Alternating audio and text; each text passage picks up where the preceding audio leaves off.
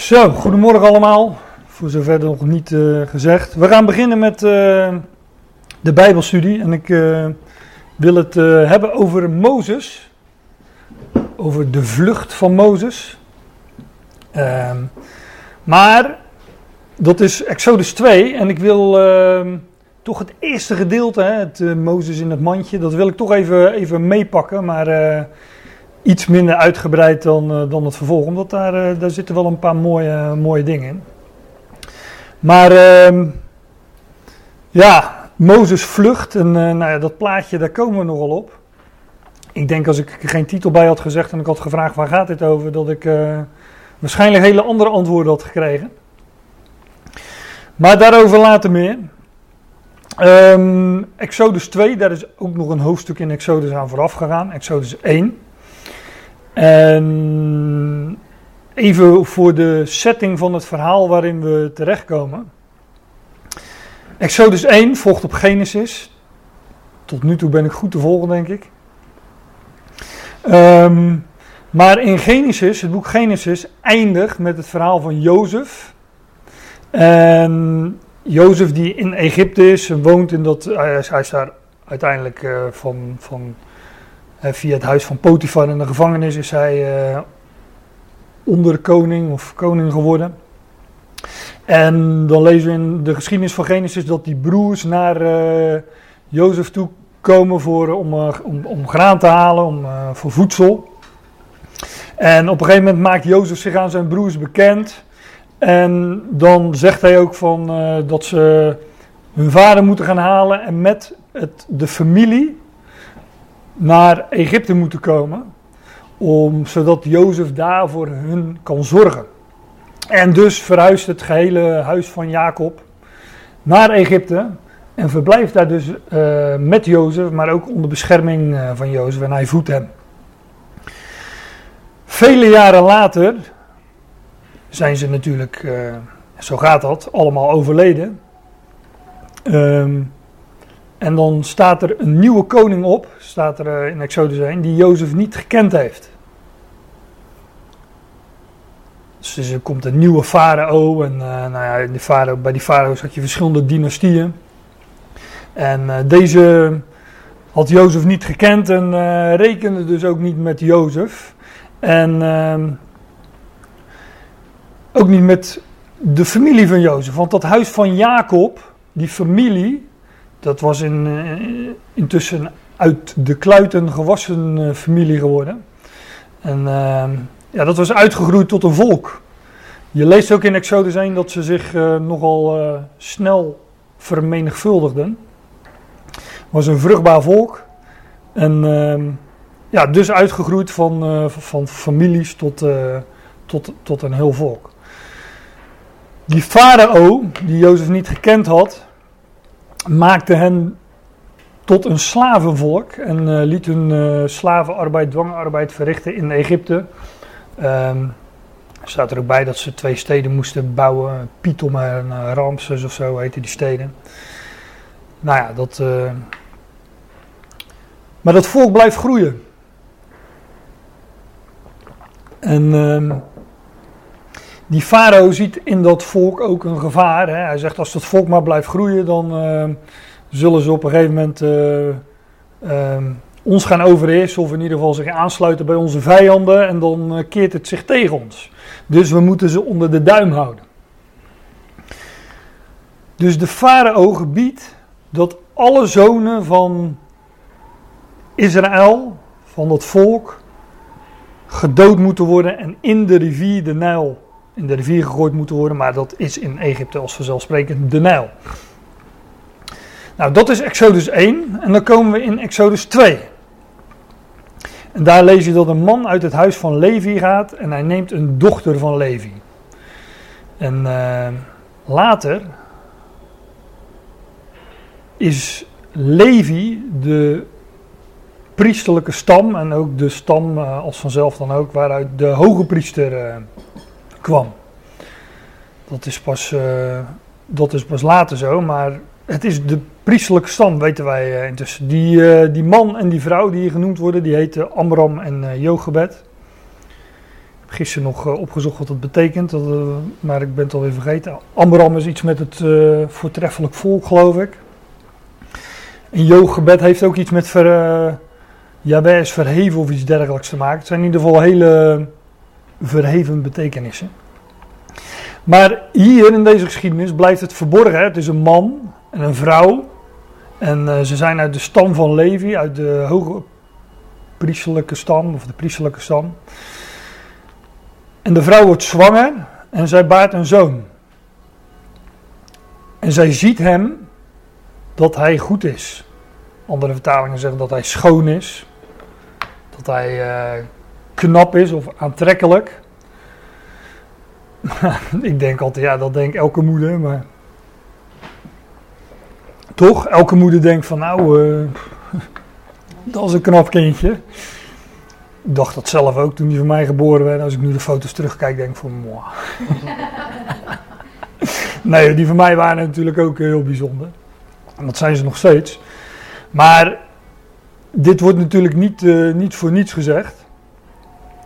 Ze, ze, ziet hem dat hij goed is. Ik kom er straks nog wel even op terug, want um, andere schriftgedeelten vertellen daar ook wel wat dingen over. We vinden deze geschiedenis van Mozes onder andere aangehaald in Handelingen 7 en Hebreeën 11. Um, andere vertalingen zeggen, als hier staat, en zij zond het hem drie maanden af. Andere vertalingen zeggen, ze verborg hem. En uh, Safa heeft inderdaad met een bedekking te maken. Dus zij verborg hem. En wat je hier continu ziet is dat de geschiedenis van Mozes onderbroken wordt. Hier, hij wordt geboren, wat gebeurt er? Hij wordt verborgen. Nou, als wij aan de verborgenheid denken, dan, uh, als we dat, die term horen, dan weten we inmiddels, ja, dat, dat, dat zegt ook iets over de verborgenheid. En Mozes is een, uh, is een type van de Heer Jezus Christus. En uh, nou ja, dat ik loop wat op de muziek vooruit, maar uh, dat, dat gaan we nog uitgebreid, uitgebreid zien. Er staat hier dat zij hem drie maanden verborgen of afzonderde. Ze ziet hem, want ze zag dat hij, dat hij goed was. Hè? En dat is wel leuk, in Hebreeën 11, daar worden al die geloofshelden, zeg maar, die galerij van geloofshelden, hè, doorgeloof of ingeloof heeft. Abraham, nou, noem ze allemaal maar op. Uh, maar er wordt ook Mozes genoemd. En, maar dit, Hebreeën 11, staat, hier staat, in geloof werd Mozes, wanneer hij geboren wordt, drie maanden door zijn vaders verborgen. Hier wordt de moeder even vergeten. Zullen zijn vader en zijn grootvader wel geweest zijn dan. Maar hier gaat het niet over het geloof van Mozes, in de volgende verse wel. Maar hier gaat het over het geloof van de ouders, de vaders van Mozes. In geloof werd Mozes, wanneer hij geboren wordt, drie maanden door zijn vaders verborgen, omdat zij waarnamen, zij zagen dat de kleine jongen, weer dat woord, aantrekkelijk of goed was. En ze waren niet bevreesd voor het edict van de koning. Hij was in handeling 27, dat vers laat ik straks ook nog zien, staat dat hij, dat staat datzelfde woord aantrekkelijk of goed of schoon, maar dan voor God. Maar waarom hebben ze hem drie maanden verborgen? Het staat, ja, je leest het nergens in de Bijbel, maar als je dit leest. en je kent de geschiedenis van Mozes, dat hij later opstond als de verlosser van Israël. Dan denk ik dat God tegen hun verteld heeft: van dit wordt de verlosser van Israël. Waarom zouden ze hem anders in geloof hebben verborgen? Drie maanden. Ik kan geen andere conclusie trekken dan. Uh, dan dat, ze, dat God hun heeft verteld dat hij de verlosser was. En dat ze hem daarom in geloof hebben verborgen. En wat daarop volgt, ja, dat is dus ook uh, gestuurd. Het is ook gepland. Het is niet zomaar dat die moeder de, dat ventje in dat mandje legde en ergens in het riet neerlegde. Nee, daar zat een plan achter. En als jullie een andere uitleg voor dit vers hebben, dan, uh, dan hoor ik dat graag natuurlijk. Maar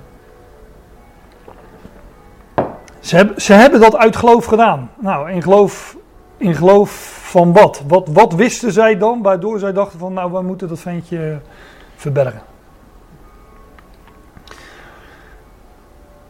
Ja, drie maanden, nou dat vinden we wel vaker in de Bijbel. Na de drie worden sowieso beloften vervuld. Hè? De opstanding van Christus, dat was dan na drie dagen, maar het is na een drie. In uh, Genesis 38 lees je dat uh, na drie maanden openbaar werd dat Tamar hoererij had uh, gepleegd. Tenminste, dat is een verhaal apart, maar die zwangerschap bleef drie maanden verborgen, om het anders te zeggen. Dit is een mooi. Drie maanden verbleef de ark in het huis van Obed-Edom. En drie maanden, um, die ark dat is een beeld van Christus. En Obed-Edom was een, uh, ik weet niet meer of het een Hethiet of een Getiet was, maar het was in ieder geval een buitenlander. Het was geen Israëliet. Dus drie maanden verblijft de ark buiten Israël onder de natie. Ook weer, het gaat allemaal om verborgen dingen, zoals Mozes ook hier drie maanden verborgen wordt. Ja, Paulus sprak uh, drie maanden in de synagoge van Efeze over het koninkrijk van God.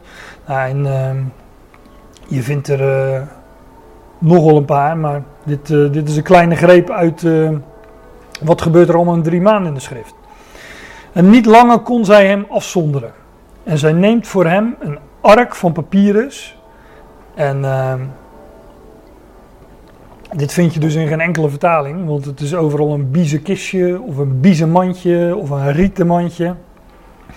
Maar dit is letterlijk wat staat, een ark van papyrus. En dat doet ons natuurlijk meteen denken aan de ark van Noach. En dat is ook, uh, dit is ook, dat woord komt weliswaar 28 keer voor in het Oude Testament, maar het is altijd de ark van Noach.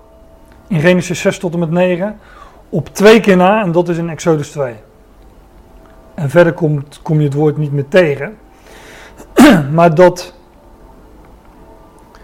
doet ons ook. Um, ja, dat legt ook de link tussen de ene geschiedenis en de andere. Kijk, die Ark van Noach die was natuurlijk een heel stuk groter. Maar de betekenis van die dingen, van de, ene, van de ark en het, voor mij part het biezen kistje, hè, het biezen mandje, om het zo te noemen, die is hetzelfde. Wat deed God bij de zondvloed? Daar redde hij een achttal in de ark. Nou, die ark is hoe dan ook een, eh, een beeld van Christus. Acht is een beeld van de nieuwe schepping. Hè? Zeven is het getal van de volheid. Maar wanneer je er één bij optelt, begint er een nieuwe reeks en dat is de achtste. Dus dat spreekt van een nieuw begin. En de oude schepping, hè, in de dagen van Noach, om dat zo te noemen, die vond de dood in de doodswateren van de vloed. Maar dat is wat hier ook gebeurt. Alle zonen werden in de Nijl gegooid. En we lezen straks ook dat Mozes in de Nijl wordt gegooid, alleen die, lag in, die was in de ark. Maar die komt op precies dezelfde plek terecht als al die zonen van Israël. Die sterven daar en Mozes komt als het ware uit dat water weer op. En dat is natuurlijk gewoon een beeld van opstanding. Zij neemt voor hem een ark van papyrus. Riet, biezen. Maar papyrus, want dat staat er echt, ja, dat zie je in de interlineaire daaronder. Waar kennen we dat van? Van papier. Het is een schriftdrager. Ik zocht van de week een woord. Uh, ik denk, ja, hoe, hoe, druk je dat nou? Iets waar je op schrijft. Wij zeggen dan gelijk, ja, dat is papier. En dat is, uh, omdat het altijd, als je schrijft, is dat op papier. Maar het is een, uh, een schriftdrager. Want er zijn natuurlijk nogal meer schriftdragers. Kleitabletten in het verleden. Um, tegenwoordig hebben we tablets. Dat waren natuurlijk ook kleitablets. Maar tegenwoordig hebben we andere tablets. En computers, schermen. Maar Oorspronkelijk werd er natuurlijk geschreven op papier of zelfs uh, ook op leer. Maar papyrus is het uh, riet of de plant waar een, waar, waar uh, een schriftdrager van werd gemaakt. En dat was toen gewoon het, het, papier. En ons woord papier komt daar ook vandaan. Dus die ark, ik zei al, dat die, natuurlijk is die ark een beeld van Christus. Hij die de, de dood overwint. Maar papyrus is een beeld van het woord van God. Maar wij kennen Christus ook als het woord dat vlees geworden is. Hij is het woord van God. Hij is het uitgedrukte wezen van God, het uitgedrukte beeld van God en dus ook het woord van God. Nou, daar spreekt dat biezenmandje allemaal van. Die ark van papyrus, laten we daar maar op houden, want uh, dat klinkt veel mooier volgens mij. Zij besmeert het met asfalt en pek.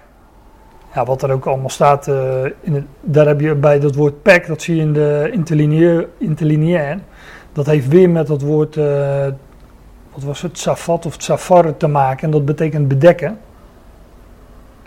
Dus het wordt bedekt, beschermd, maar dat asfalt of, andere vertalingen zeggen geloof ik leem en leem, maar leem is lijm. Maar dat heeft ook weer met de dingen lijmen, met verbinden te maken. Hè? Het, het verbond des vredes. Waardoor God de twee één maakt, zegt bijvoorbeeld Efeze 2. Maar ook verzoening is verbinding tot stand brengen en de dingen bij elkaar brengen. Nou, dat uh, spreekt daar natuurlijk allemaal van. Zij besmeert het met asfalt en met pek, of wat het ook wezen mag. In ieder geval uh, iets om het te verbinden. Waterdicht te maken, zodat het, bestand, zodat het bestand is tegen die doodswateren. En zij plaatst de jongen erin. En zij plaatst het in het rietgras aan de oever van de Nijl. Nou, zoals ik zei, Mozes komt op precies dezelfde plek terecht als al die andere jongetjes die daar in de Nijl werden gegooid en die daar stierven.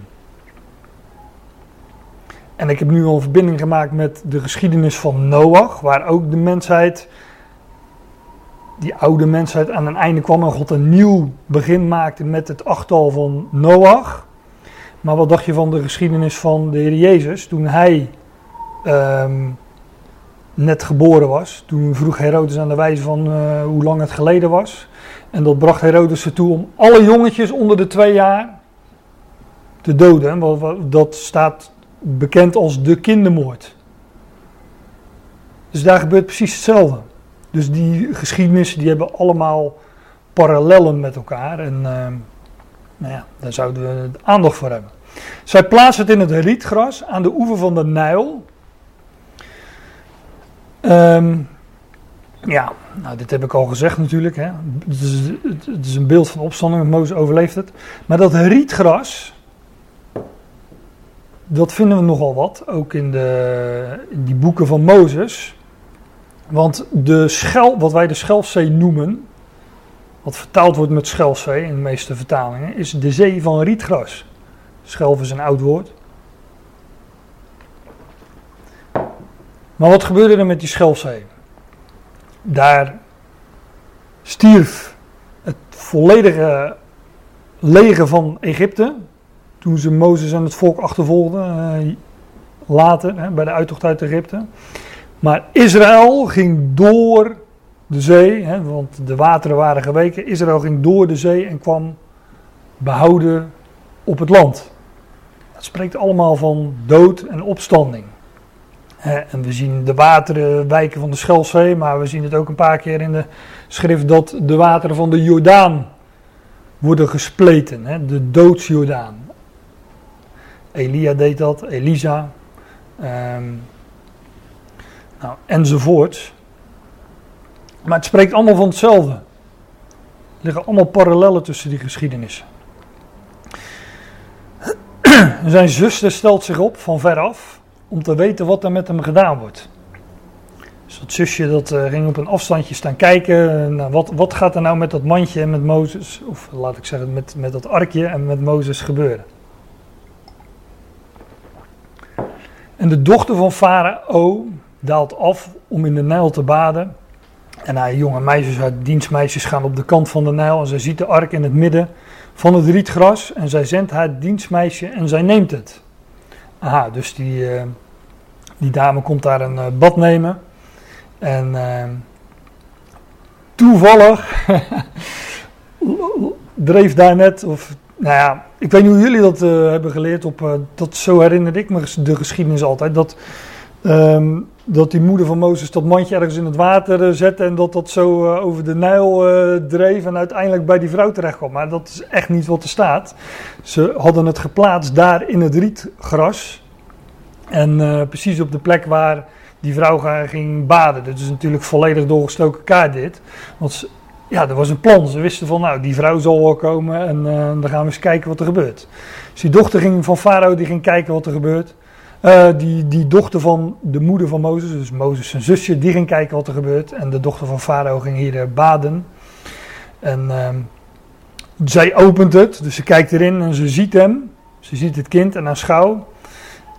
De knaap huilde. Ja, dat doen ze meestal op die leeftijd. En uh, zeker als je in een kistje tussen het riet ligt, dan denk je van, wat gebeurt mij nou? En zij spaart hem, want het was de bedoeling dat alle jongetjes nou, een kopje kleiner werden gemaakt, niet letterlijk, maar wel uh, de dood vonden in die Nijl. En zij zegt: Dit is een van de jongens van de Hebreeën. Hoe wist ze dat nou weer? Huh? Ja, besneden natuurlijk. Hij is besneden. En ik zei net iets over de acht. Ik zei net iets over de acht dat het hè, met Jona, Jona, dat was weer een andere geschiedenis, met Noach en zijn achttal die behouden werden in die ark. En dat dat een beeld, dat zeven het getal van de volheid is en acht het, het getal van een nieuw begin. Maar de kindjes werden besneden op de achtste dag. En dan werd het vlees verwijderd en uh, ja, dan werd er iets zichtbaar. Dus ook dat is alweer een beeld van, uh, van opstanding, van nieuw leven. Van het vlees, het lichaam van de, van eh, de zonde des vleeses, of hoe het ook in Romein staat, dat wordt weggenomen. En uh, ja, dat spreekt natuurlijk ook weer van nieuw leven, van vruchtbaarheid. Ik had eigenlijk het antwoord verwacht als ik vroeg van hoe zag ze dat? Ja, aan zijn neus. Want bij Joden schijn je dat te kunnen zien aan de neus. Maar... Nee, hij was gewoon besneden en die Egyptenaren waren dat niet. Dus zij wist uh, wat voor vlees in de kuip had. Uh, om maar weer eens een ander beeld te, te, gebruiken. En zij spaart hem, hè, dus ook weer niet dood, maar levend. En zijn zuster, zijn zusje, zegt tot de dochter van Farao: Zal ik gaan en voor jou een vrouw roepen, een zogende uit de Hebreeuwse vrouw, om de jongen voor jou te zogen? Nou, je zou toch, als die vrouw, die, dat was een Egyptische prinses, hè, die zal toch wel een beetje hersens hebben gehad. Die moet toch wel doorgehad hebben van ja, dit, uh, dit is allemaal wel erg toevallig. Staat er een meisje en die heeft ook nog eens een zogende moeder. Nou ja, want niet elke vrouw kan zomaar bosvoeding uh, geven, heb ik wel eens begrepen. Dus ja, dat gaat niet, hè? Nee. nee. Maar die, dat meisje wist toevallig, die had toevallig een moeder die, die wel een kindje kon zogen. Ja. En de dochter van Farao zegt tot haar: Ga. En de jonge vrouw gaat en ze roept de moeder van de jongen. Ik zei al, ik ga even wat sneller door deze geschiedenis, want ik wil in het tweede deel aankomen. En de dochter van Farao zegt tot deze: Neem deze jongen mee, zoog hem voor mij en ik geef jou jouw loon. Ze krijgt er nog geld voor ook. ja, en de vrouw neemt de jongen en zij zoogt hem. Nou, dat zal, zullen weinig moeders uh, kunnen uh, nazeggen dat ze voor het zogen van hun eigen kind nog geld verdienen ook.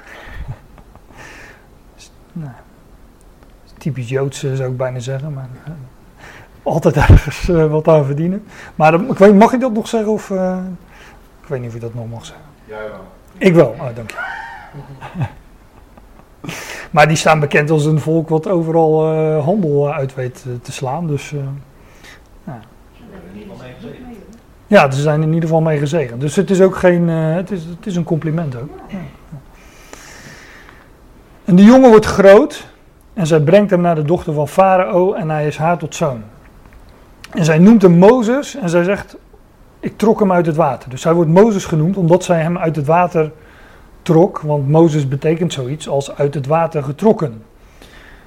Maar dat is leuk, want dit is een Egyptische vrouw die die zoon een Hebreeuwse naam geeft, want het is in het Hebreeuws uit het water getrokken. Maar in het Egyptisch heeft Mozes de betekenis van zoon.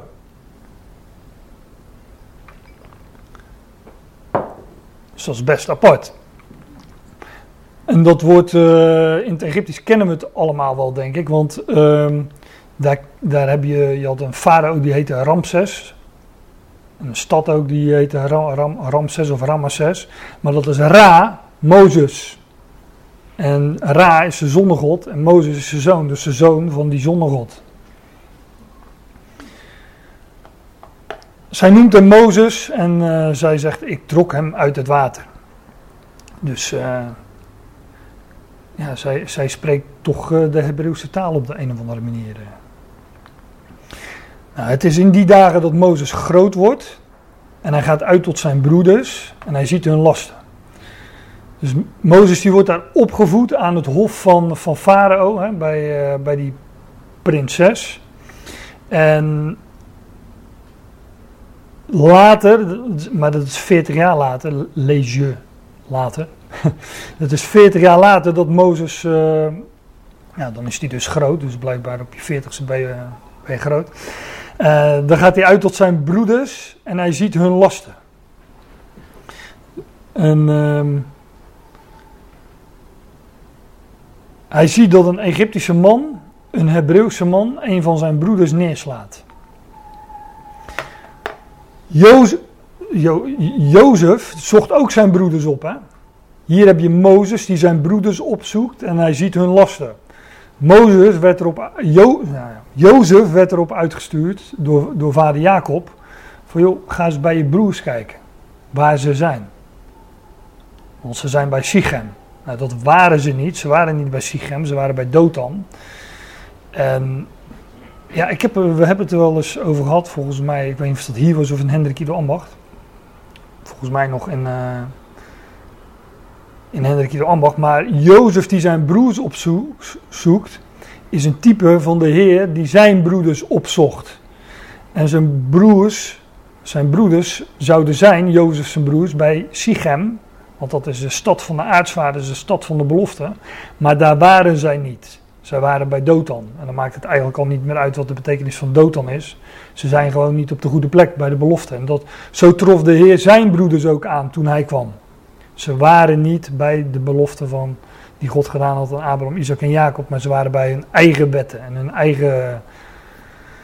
Uh, nou ja, bij Dothan. Waar dat dan ook is, je zit in ieder geval verkeerd. En hier is het Mozes die zijn broeders opzoekt. Maar het is precies hetzelfde beeld. Het is een beeld van de Heer die zijn broeders opzoekt.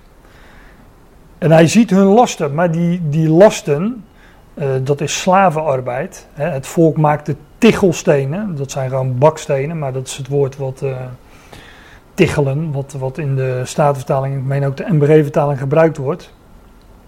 En zij moesten stenen bakken van klei, van leem en stro.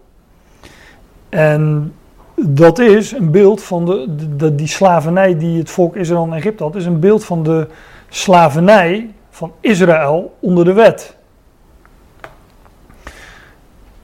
Dat vind je bijvoorbeeld in Galaten, dat het slavernij wordt genoemd. Hè? Voor de vrijheid maakt Christus ons vrij, zegt Paulus daar. Sta dan vast, laat je niet weer in het juk van slavernij vastzetten. En hij noemt het een aantal keren slavernij. En hij zegt ook dat ook in de gelaten brief, dat de berg Sinaï tot slavernij baart. Nou, wat werd er op Sinaï gegeven? De wet. En dat, wat brengt dat voort? Wat baart dat? Slavernij.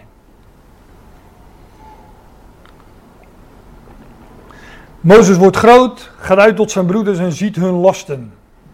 En hij ziet dat een Egyptische man, een Hebreeuwse man, een van zijn broeders neerslaat. En hij wendt zich om, zo en zo, en hij ziet dat er niemand was. En hij slaat de Egyptenaar neer en hij begraaft hem in het zand. Nou, heb ik natuurlijk vroeger ook eh, verhalen gehoord uit de kinderbijbel. En daar werd altijd gezegd dat hij dit stiekem deed. Hij keek om zich heen, is er niemand? Oké. Okay. En toen sloeg hij die Egyptenaar dood. En dat zou je kunnen concluderen als je alleen deze schriftplaats had. Maar ik zei al, deze geschiedenis wordt aangehaald in Hebreeën 11, maar ook in Handelingen 7. En Handelingen 7 is de toespraak van Stefanus. En dat is een hele lange toespraak. Waarin, als ik hem samenvat, Stefanus tot het, tot het Joodse volk, tot de leidslieden van het Joodse volk zegt: Jullie hebben de verlosser die God gestuurd heeft, de Heer Jezus Christus, gekruisigd. Maar dat is niks nieuws, want dat hebben jullie vaderen, hebben dat altijd al gedaan. Ze hebben nooit de verlosser die God stuurde herkend. En een van die voorbeelden die hij daar noemt is Mozes. En als je die versen leest in Handelingen 7, dan kom je tot een andere conclusie dan dat je zegt van, oh hij deed dat stiekem. Hij keek even om zich heen, nou gelukkig er is niemand, oké dan sla ik hem dood. Nee, hij keek om zich heen of er een verlosser was, die, die een andere verlosser was, die opstond en die was er niet. En toen ging hij zich presenteren als de verlosser. Ik ga, ik ga even naar handelingen 7, dus naar die uh, toespraak van Stefanus. Ik zei al, het vrij lang, het zijn ook wel een aantal versen en ik uh, ga er vrij snel doorheen. Maar lees die toespraak maar eens na en dan uh, ook de conclusie die Stefanus aan het einde trekt en de reactie van de Joodse leidslieden erop. Stefanus werd dus gestenigd om deze toespraak.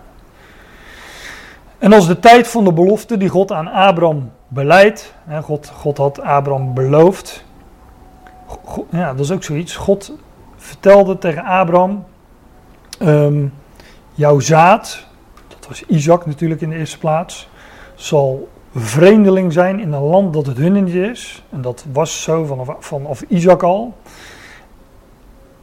En dat is ook hier bij Mozes nog het geval. Ze waren vreemdeling in een land dat het hunne niet was, maar God had beloofd, Genesis 15, vers 13, dat duurt 400 jaar. En dan zal er een verlosser komen, die het volk uh, zal uitleiden. Dus die, dat volk had kunnen weten, had moeten weten, dat de tijd aanstaande was dat God zijn verlosser zou zenden. Dus daarom was het helemaal niet zo vreemd dat... Uh, dat daar opeens die verlosser Mozes was.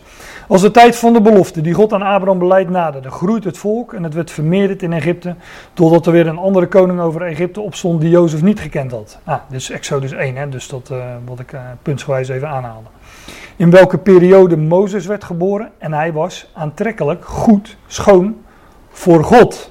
Want God had hem namelijk uitgekozen als de verlosser. Daarom was hij aantrekkelijk. Daarom was hij schoon, daarom was hij goed. Ja, en dat zijn moeder hem ook een knap ventje vond, dat zal best. Want dat vindt elke moeder. En hij was aantrekkelijk voor God en hij werd drie maanden lang grootgebracht in het huis van zijn vader. Weer die vader. En hij werd de vondeling gelegd. En de dochter van Farao tilt hem op. Ja, ook allemaal optillen, opheffen. Ook allemaal een beeld van opstanding. Zij brengt hem groot voor zichzelf tot een zoon. Mo Mozes werd gedisciplineerd in alle wijsheid van de Egyptenaren. Dus die werd opgevoed aan het hof van Farao en onderwezen in alle wijsheid van de Egyptenaren. En hij was machtig in zijn woorden en werken. En als aan hem, er staat ook in, in Hebreeën 11 hè, dat hij, die, hij had natuurlijk een, naar de mens gesproken, een fantastisch leven aan dat hof van Farao. Hij werd daar onderwezen in van alles en nog wat. En er staat dat hij, ehm, dat, dat, hij dat ook echt terzijde heeft geschoven. Dat, ik, ja, ik kom even niet op de woorden hoe het precies staat in Hebreeën. Dat hij, uh, uh, nou, hij heeft in ieder geval dat niet geacht. Maar hij wist wat zijn roeping was en daarom ging hij tot zijn broeders. Mozes werd gedisciplineerd in alle wijsheid van de Egyptenaren. Hij was machtig in woorden en werken. En als aan hem een 40-jarige tijd werd vervuld, dus weten we dat dat na 40 jaar was, kwam het in zijn hart op om naar zijn broeders, de zonen van Israël, om te zien. En hij neemt waar dat iemand onrecht gedaan wordt. Hij ontzet hem en hij doet de rechtverschaffing aan hem. Die geteisterd wordt en hij slaat de Egyptenaren. En hij veronderstelde dat zijn broeders zouden begrijpen dat God door zijn hand redding aan hen geeft. Maar zij begrijpen het niet. Dat is hetgene wat Mozes dacht toen hij die Egyptenaar doodsloeg. En daarom keek hij om zich heen. Want hij veronderstelde dat zijn broeders zouden begrijpen dat God door zijn hand redding zou geven. Maar ze begrepen het niet. Dat lees je ook in het vervolg. Mozes werd dus niet erkend als de beloofde verlosser, hoewel de tijd rijp was. De tijd was aanstaande. God had beloofd 400 jaar en dan komt er verlossing. In de bij de Heer Jezus is het overigens precies hetzelfde. De 70 jaarweken die geprofiteerd werden aan Daniel, die zouden eindigen met, nou ja, laat ik het zo zeggen, met de, de komst van de Messias. Dan zeg ik het heel kort. Maar ook toen wist men dat de tijd aanstaande was. Dat de tijd vervuld was. Dat de tijd rijp was. Nou, hier had men dat ook kunnen en moeten weten. Die periode was dus uh, zo goed als verstreken. Ik lees nog even verder. Hij werd op de aansluitende dag door hen gezien, terwijl zij aan het vechten waren. En hij komt tussen beiden. Dat lees ik straks ook nog uit Exodus 2. Hij komt tussen beiden voor hen tot vrede. En hij zegt: Mannen, jullie zijn broeders, waarom doen jullie elkaar onrecht? En hij, wie zijn naaste onrecht doet, stoot hem weg. Verstoot hem. En hij zegt: Wie stelt jou aan tot overste en rechtspreker over ons? Het is ook weer gewoon een uitbeelding van de Heer die kwam tot zijn volk. En men erkende hem niet als de verlosser. Wil jij mij soms uit de weg ruimen zoals je gisteren de Egyptenaar uit de weg ruimde? En Mozes vluchtte op dit woord en hij werd een bijwoner, een vreemdeling in het land Midian, waar hij twee zonen verwekt. Dat is de toespraak van Stefanus, die gaat nog veel verder. En uh, ik zou zeggen, lees die echt eens na, want het is uh, bijzonder eh, interessant wat Stefanus er allemaal zegt. Maar nu terug naar Exodus 2. Hij gaat uit op de tweede dag en aanschouw. Ja, dit heb ik dus eigenlijk gelezen. Het is eigenlijk vrij hetzelfde als in Handelingen 7.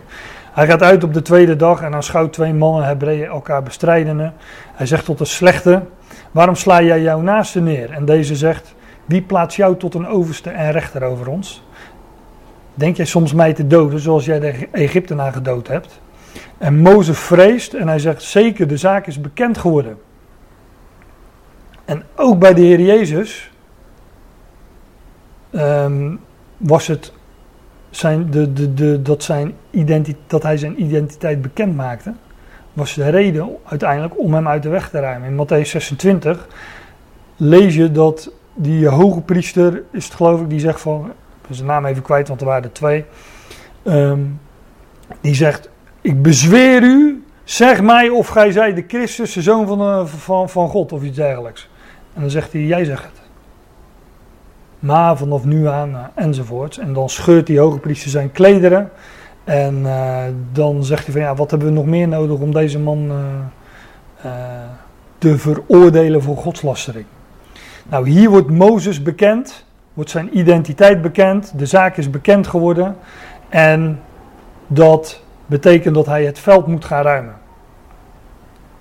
Dat lees je dan ook. Farao hoort ook van deze zaak en hij zoekt Mozes te doden. En Mozes vlucht voor Farao en hij woont in het land van Midian. Dus als Mozes gebleven was, was hij gedood. En als ik dat uh, doortrek naar het beeld van dat Mozes een type is van Christus. Christus, de Heer Jezus werd gedood. En um, voor Israël. Hij verdwijnt dus ook uit, uh, uit het zicht van het huis van Jacob. En dat, gebeurt, dat gebeurde met Mozes hier, maar dat gebeurde met de Heer natuurlijk ook. Want Mozes vlucht voor Farao en hij gaat naar het buitenland, naar Midian. En de Heer stond op uit de dood en verdween uit het zicht van het huis van Jacob. En verdween onder de natie. En Jozef, daar had ik het net over. Daar gebeurt precies hetzelfde mee. Hij wordt in de kuil geworpen. Wordt doodgewaan door het huis van Jacob. Maar hij leeft. En waar is hij nou? Hij is in Egypte. In het huis van Potifar en later in de gevangenis. En uiteindelijk verhoogd aan het hof van Farao. Ja, die, die Midian, dat is ook nog leuk. ja, dat is heel leuk. Dat is een zoon van Abraham dus niet zo bekend, maar uh, Abraham uh, had uh, twee zonen in, in, in de aanvang hè, bij Sarah. Dat had nogal wat voeten in de aarde om dat tot stand te brengen. De eerste was, nou, de eerste was niet bij Sarah natuurlijk, maar dat was Ismaël. Dat had wat voeten in de aarde gehad. maar uiteindelijk werd de zoon van de belofte geboren en dat was Isaac. Maar dan lees je later in Genesis dat Abraham, uh, ja, hoe zeg ik dat eerbiedig? nou ja, ik, dat hij de smaak te pakken had gekregen blijkbaar. En dat hij nog een vrouw bij had genomen. Dat was Ketura. En daar kreeg hij nog, ehm, ik meen, zes zonen bij. Waarvan er één Midian uh, was. Dus Abraham was zoiets van, ja, nu, het, nu, uh, nu ik weer vruchtbaar ben, uh, hè, gaan we dat ook in de praktijk brengen. Maar de, een van die zonen was Midian. En dat was dus maar voor, voor dit verhaal is dat natuurlijk ook opmerkelijk. Want Midian, waar, waar vlucht Mozes naartoe? Hij verdwijnt uit het zicht van het huis van Jacob en hij komt terecht bij een zoon van Abraham. Maar aan Abraham waren de beloften gedaan. Dus hij verdwijnt uit de slavernij en komt terecht bij de belofte. In het buitenland. Nou, wij, wij leven ook uit die belofte. Wij zijn die buitenlanders, wij zijn de natie. En daar is Mozes nu, en daar, zoals Christus nu onder de natie, Christus onder jullie natie, zegt Paulus in uh, Colossense 1. Hij zit bij de put. Ja, dat, uh, die put is natuurlijk een beeld van het woord van God. En een bron, een put. Daar werd, uh, ja, daar werd water uitgeput. Hè? Maar het water is een beeld van het woord van God. En die put, we zijn hier in Exodus 2, maar die put vind je door heel Genesis heen vind je waterputten. Je vindt dat bij Hagar, dat is dus de moeder van eh, Ismaël. Maar ook bij Abraham. Ehm, de knecht van Abraham, Eliezer. Die heb ik expres genoemd, want we komen straks nog een Eliezer tegen. De knecht van Abraham, Eliezer. Mijn God is hulp. Ging een vrouw zoeken voor Isaac. En wat deed hij? Hij ging, hij ging bij de put zitten. Want wij zoeken hier vrouw. Ja, er staat volgens mij in Hebreeuws dat hij aan de bar zit. in de kroeg wou je zeggen. Of, uh...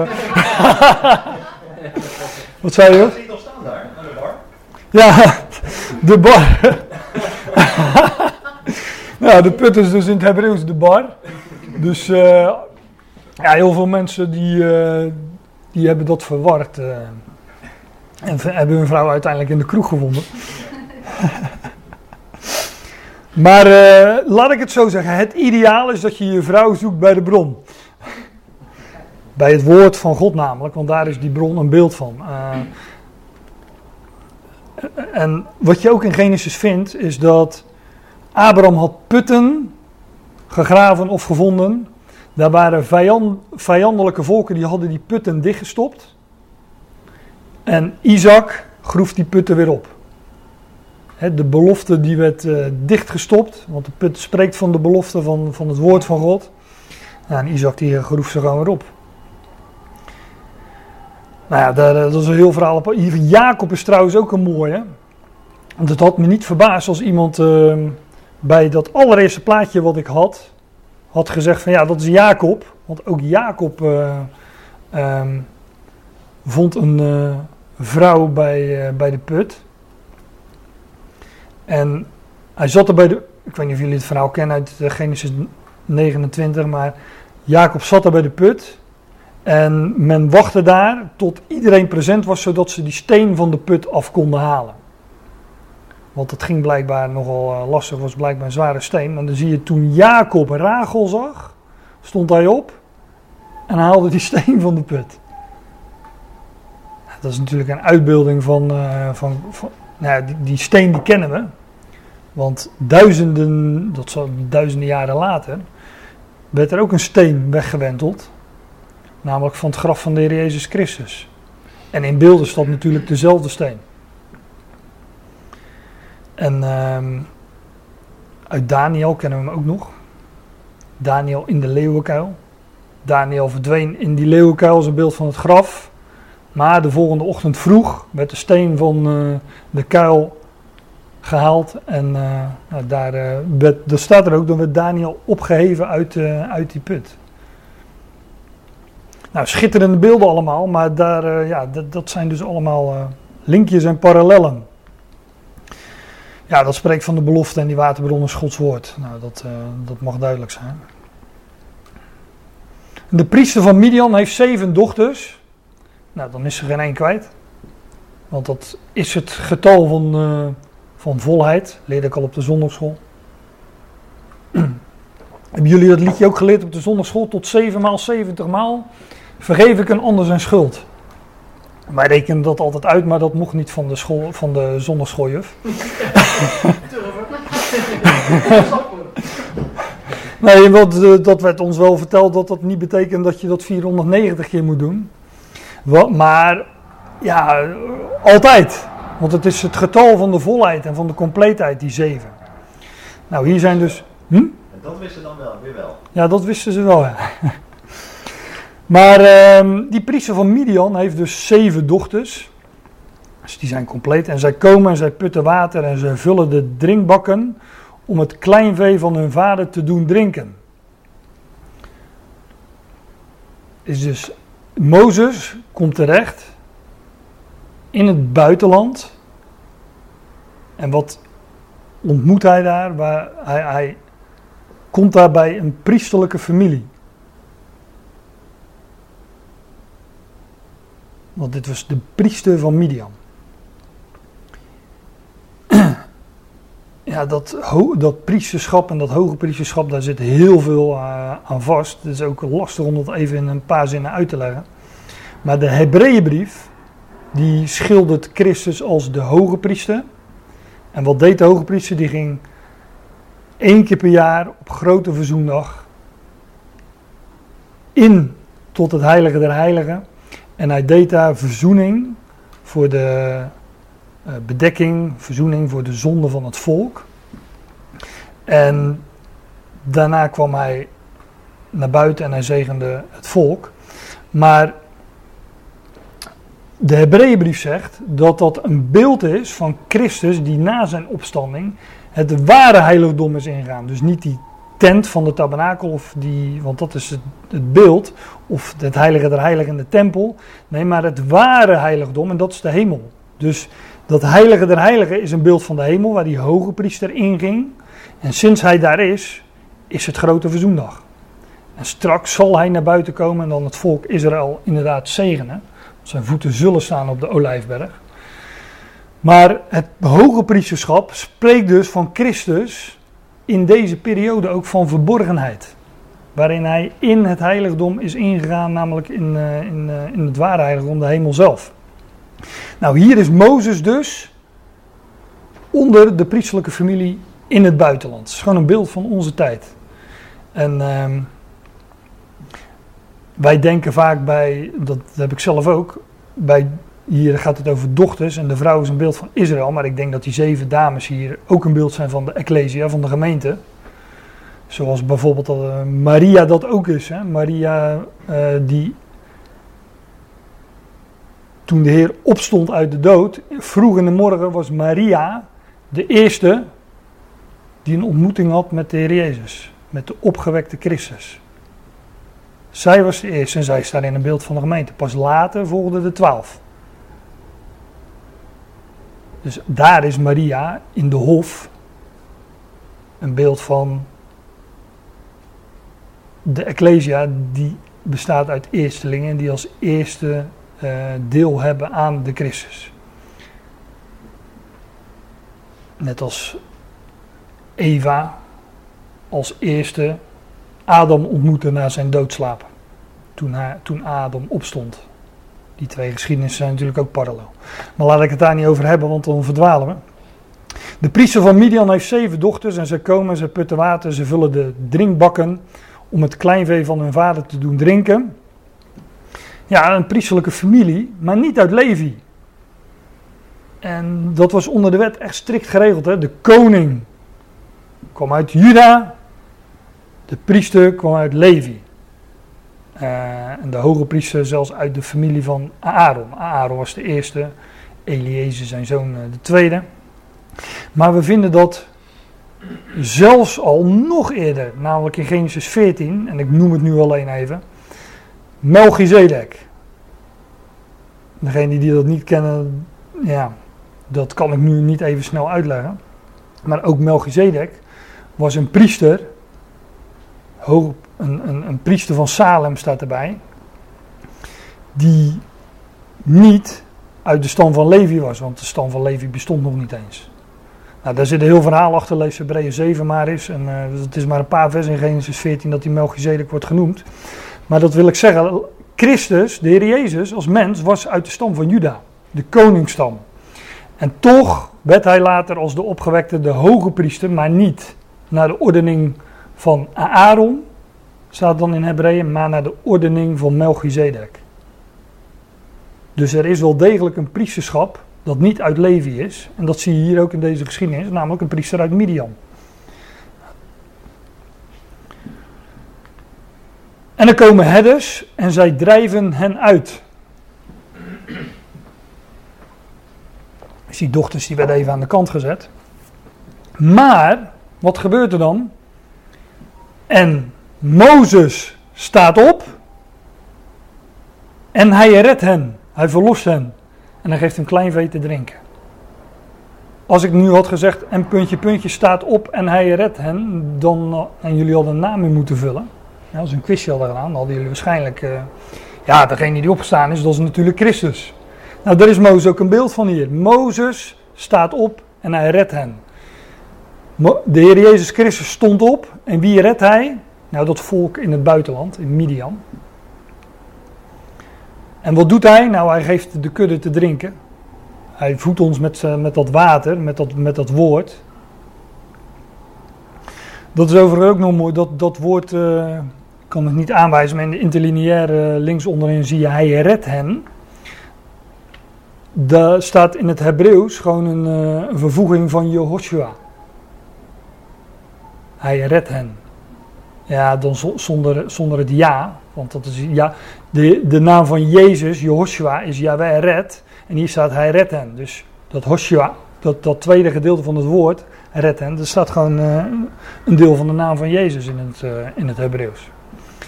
Nou, Mozes staat op als beeld van de, van de Heer die opstond en hen redt. En, en ja, ons, uh, ons, zijn kudde, in het buitenland onder de natie voedt met, uh, met water. Mozes zou uiteindelijk de verlosser worden van Israël, maar hij redt eerst een ander volk. En ze komen bij hun vader Re Reuel. En hij zegt: Om welke reden maken jullie haast om terug te komen vandaag? Reuel betekent vriend van God. In uh, 3 vers 1 wordt hij weer genoemd. Daar heet hij Jethro en dat is voortreffelijkheid. Ik weet niet of hij echt die twee namen had of dat uh, bijvoorbeeld Jethro ook een, uh, een titel is. Maar uh, dit voor de statistieken. En zij zeggen: Een man, een Egyptenaar, red ons uit de hand van de herders. En ook put hij water, ja, water voor ons. En dan geeft het kleinvee te drinken. En hij zegt tot zijn dochters: Waar is hij? Ja, waar is hij dan? Waarom hebben jullie die man achtergelaten? Roep hem om brood te eten. En brood eten, ja, dat, dat, dat is een, brood is een beeld van, van leven, van gemeenschap. Viel mij op toen ik die interlineair erin plakte. Dat uh, brood, dat woord kennen we allemaal. Hè? Lechem, van Bet, Lechem, Bethlehem, huis van God. Uh, huis van het brood, sorry. Bethel is huis van God natuurlijk. Bethlehem is uh, huis van het brood. Lechem is brood. Maar legaim, dat zeggen we als we, nou, niet zo'n glas, maar een glas wijn heffen. Dan zeggen we legaim, op het leven. En brood heeft natuurlijk alles met leven te maken. Die woorden hebben ook verband. En uh, wanneer wij brood eten, hebben we gemeenschap met elkaar. En Paulus die spreekt daar uh, ook van, met name in de Korinthebrief. Als hij zegt, hij noemt ook de Ecclesia een brood. Dat vergelijkt hij met een brood. Hij zegt, want wij die velen zijn, zijn één brood, één lichaam. Want wij allen hebben deel aan het ene brood. Nou, daar zegt hij nog wel wat meer over, maar brood eten is sowieso een uitbeelding van leven, van gemeenschap. Maar dat ene brood, ja, dat wordt hier gewoon voorgesteld ook als een beeld van de Ecclesia. Of van de Christus. Roep hem om brood te eten. En Mozes is gezind om bij deze man te wonen. Dus Mozes die uh, als beeld van Christus die ja, verblijft onder de natie. En hij geeft zijn dochter Zippora aan Mozes. krijg je gelijk een vrouw bij. Sephora, dat betekent volgens de handboeken mus, of kleine vogel. Misschien was het wel een koosnaampje, hè? Musje. Ik weet niet. Hoe noem jij je vrouw, eh, Jan-Pieter? Mus, ja, geen musje? het is wel een vogel. zeg je dat ook nooit tegen? Ben jij een rare vogel, zeg? Nee? maar dit woord, Sephora, dat is eh, afgeleid van tsa- tsafa en tsipiwi, of hoe je dat ook zegt. Maar dat betekent bedekken. En Mozes die verbindt zich dus aan een, ja, de bedekking. En bedekken, verbergen, dat heeft natuurlijk ook weer alles te maken met onze tijd. Hè? Christus, verborgen onder de natie, dat is bedekt. En ehm, je vindt dat woord, Safa en eh, die andere die ik niet nog een keer ga zeggen. Die vind, dat, dat woord vind je vaak wanneer bijvoorbeeld in de tabernakel, had ik het net al even over, over de tabernakel, de zaken met goud werden overtrokken. Wat natuurlijk ook een beeld is van, ja, ook van die bedekking, maar ook van, wat, eh, van onvergankelijkheid. Want er wordt, het een wordt bedekt en iets anders wordt zichtbaar. En in de tabernakel is het zo dat hout, als beeld van, eh, van de oude mensen, van de oude schepping, dat wordt, dat wordt bedekt en daaroverheen komt goud. En dat is een beeld van onvergankelijkheid. Ja, waarom dat dan eh, uiteindelijk vertaald is naar mus of kleine vogel, weet ik niet. Het enige wat ik kan bedenken is dat, die, eh, dat een mus ook bedekt is met, eh, met veren. Volledig bedekt. Ik ging van de week een, eh, een hele kip halen. Nou, die ziet er toch echt anders uit dan wanneer die eh, in het wild rond zit lopen, zeg maar. Dan is die toch wel echt bedekt als je, als je hem buiten rond ziet lopen. Nou, Mozes, dus ik weet niet waar, die, waar, waar dat mus of kleine vogel vandaan komt. De, de enige logische reden die, eh, die heb ik gegeven. Maar, maar dat komt in ieder geval van dat woord bedekken. Hij geeft zijn dochter Zippora aan Mozes. Zij baart een zoon en ze noemt hem eh, Gerson. Want, zegt hij, ik ben een tijdelijke verblijver geworden in een uitheems, vreemd land. En Gerson betekent vreemdeling. Dat hadden jullie kunnen raden na, eh, na deze uitleg. Maar Mozes en Zippora kregen twee zonen. En die andere heet Ele... Oh, wacht. Eerst even dit. Vreemdeling. Ja, dat heb je als je met een dia voor je neus zit en eh, dan is het soms even raden wat de volgende is. Maar vreemdeling, in Efeze 2 zegt Paulus bijvoorbeeld dat jullie in die periode los van Christus waren, vervreemd van het burgerrecht van Israël en gasten van de verbonden van de belofte zonder hoop en zonder God in de wereld. Maar nu, in Christus Jezus, zijn jullie die eens veraf waren, dichtbij gekomen door het bloed van Christus. Dus dat vreemdeling, hè, sowieso al in, Christus onder de natieën, dat, dat in een vreemd land, dat, eh, dat spreekt al van onze tijd. Paulus noemt het ook in zijn brieven. Maar die ene zoon heette Gersom en die andere heette Eliezer. Want dat vind je bijvoorbeeld in Exodus eh, 18, maar ook nog ergens in eh, Koning of Kroniek wordt dat een keer genoemd. Hij had twee zonen, van wie de ene Gersom heette. Nou ja, want had hij gezegd, ik ben een tijdelijke verblijver in een uitheems land. En de naam van de ander was Eliezer. Want de God van mijn vader is mijn hulp. Hij redt mij uit van het zwaard van Farao. Eliezer betekent dus zoiets als God is mijn hulp. Maar die naam komen we nogal eens tegen, Eliezer. Of Eleazer. Dat is Hebreeuws, maar in het Grieks van het Nieuwe Testament Lazarus. Jullie weten toch wie Lazarus was? Dat was degene die opgewekt werd uit de doden. De opgewekte. En dus ook een beeld van Christus. Maar Eleazar was een van de zonen van Aaron. uit de hoge priesterlijke familie. Die zijn uit het huis van, je had het huis van Levi. En God zei van de, de, de familie van Aaron.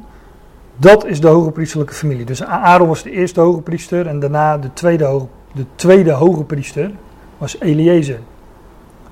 Dat is natuurlijk ook typologie. Hè? Aaron was dan in beeld de hoge priester van het oude verbond. De tweede hoge priester, Eliezer, is een beeld van de hoge priester onder het nieuwe verbond. En dat is Christus. Dus die, E- die naam Eliezer verwijst ook weer naar Christus. Ook weer naar Christus, de opgewekte. De, die inderdaad tot ware heiligdom ingegaan is, namelijk de hemel zelf. Nou, dan staat er nog, dus het slot van eh, Exodus 2. Ja.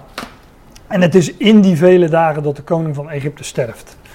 En de zonen van Israël zuchten onder de dienst. Zij schreeuwen het uit en hun hulpgeroep over de dienst gaat op tot de God. En God hoort hun gekreun en God gedenkt zijn verbond met Abraham, met Isaac, met Jacob. En God ziet de zonen van Israël en God weet het. Nou, ik moest denken aan uh, woorden die. Uh, God zou een profeet sturen als Mozes. Misschien had ik dat helemaal aan het begin moeten zeggen. Hè, om alleen maar al aan te duiden dat Mozes een type is van Christus. God zei, in het begin, God zei al, toen Mozes nog leefde, ik zal een profeet sturen als Mozes. Nou, enzovoort, wat die daar nog bij zijn. Maar hier lees je dat het, de zonen van Israël, Israël zuchten onder de dienst. Zij schreeuwen het uit en hun hulp geroepen over de dienst gaat op tot God. En God hoort hen. Nou, na die periode van het verblijf van Christus onder de natie, van Mozes verblijf in Midian, zal het volk van Israël de naam van Jahweh gaan aanroepen. In de, nou, in de nabije toekomst mag ik inmiddels zeggen. En dan staat er in bijvoorbeeld Zacharia 13: Ik zal hen louteren zoals zilver gelouterd wordt. En ik zal hen toetsen zoals goud getoetst wordt. Het zal mijn naam aanroepen. En ik zal het antwoorden. Ik zal zeggen: Het is mijn volk. En het zal zeggen: Jaweh is mijn God. Dit zal in de toekomst, aan het einde van de 1260 dagen van grote verdrukking, dan zal het volk de naam van Jaweh aanroepen. En uh, dan staat er dat is één hoofdstuk verder. Dit is Zacharia 13 en dit is Zacharia 14, een paar versen verder maar hoor. Dan staat er, en dan, zij zullen de naam van Yahweh aanroepen. En dan staat er, en zijn voeten zullen staan op de olijfberg in die dag. Zij, zij roepen de naam des Heeren aan en wie verschijnt er? Hij die het beeld is van Yahweh.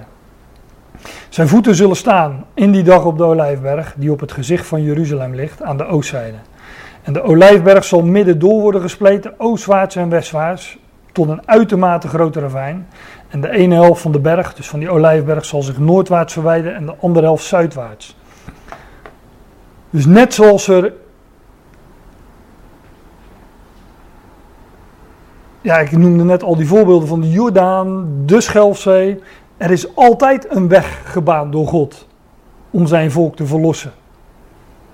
Door de Schelfzee, door de Jordaan en hier door de Olijfberg. En dat volk zal dan een plek uh, door God toebereid krijgen in de woestijn. Het zal de naam des Heer aanroepen en er zal een vluchtweg gecreëerd worden, net als God dat altijd, nou altijd, zoals God dat in het verleden vele malen gedaan heeft. En uh, dan, uh, dan, zal de, dan zal hij verschijnen waar Mozes een beeld van is. En uh, ja, dan zal hij hun daadwerkelijk verlossen. Maar die geschiedenis van Mozes, die vlucht, verdwijnt naar het buitenland en daar verblijft in Midian bij de hoge priestelijke familie, is een beeld van onze tijd waarin Christus is onder de natie. Maar daarna, uh, ja, wat, wat, je in, het volgende, in de volgende hoofdstukken leest, is dat Mozes inderdaad opstaat als de verlosser van Israël en het volk uitleidt uit Egypte door de Schelfzee naar het beloofde land. Dat is de korte versie natuurlijk, dat weet ik. Maar uh, dat wordt allemaal in deze geschiedenis uitgebeeld. En wij staan aan de, aan de vooravond van wanneer deze dingen allemaal vervuld gaan worden. En dat maakt het natuurlijk extra bijzonder. Want straks zullen zijn voeten staan op de Olijfberg. En uh, dan zal hij zijn volk verlossen. Nou, geweldige dingen om daar eens over na te denken. En ehm, ja, dat was het uh, voor nu. Ik ga hier, uh, ik ga hier eindigen. En volgende keer gaan we gewoon verder. Ik zeg niet dat dat bij Mozes is, maar waar dan ook.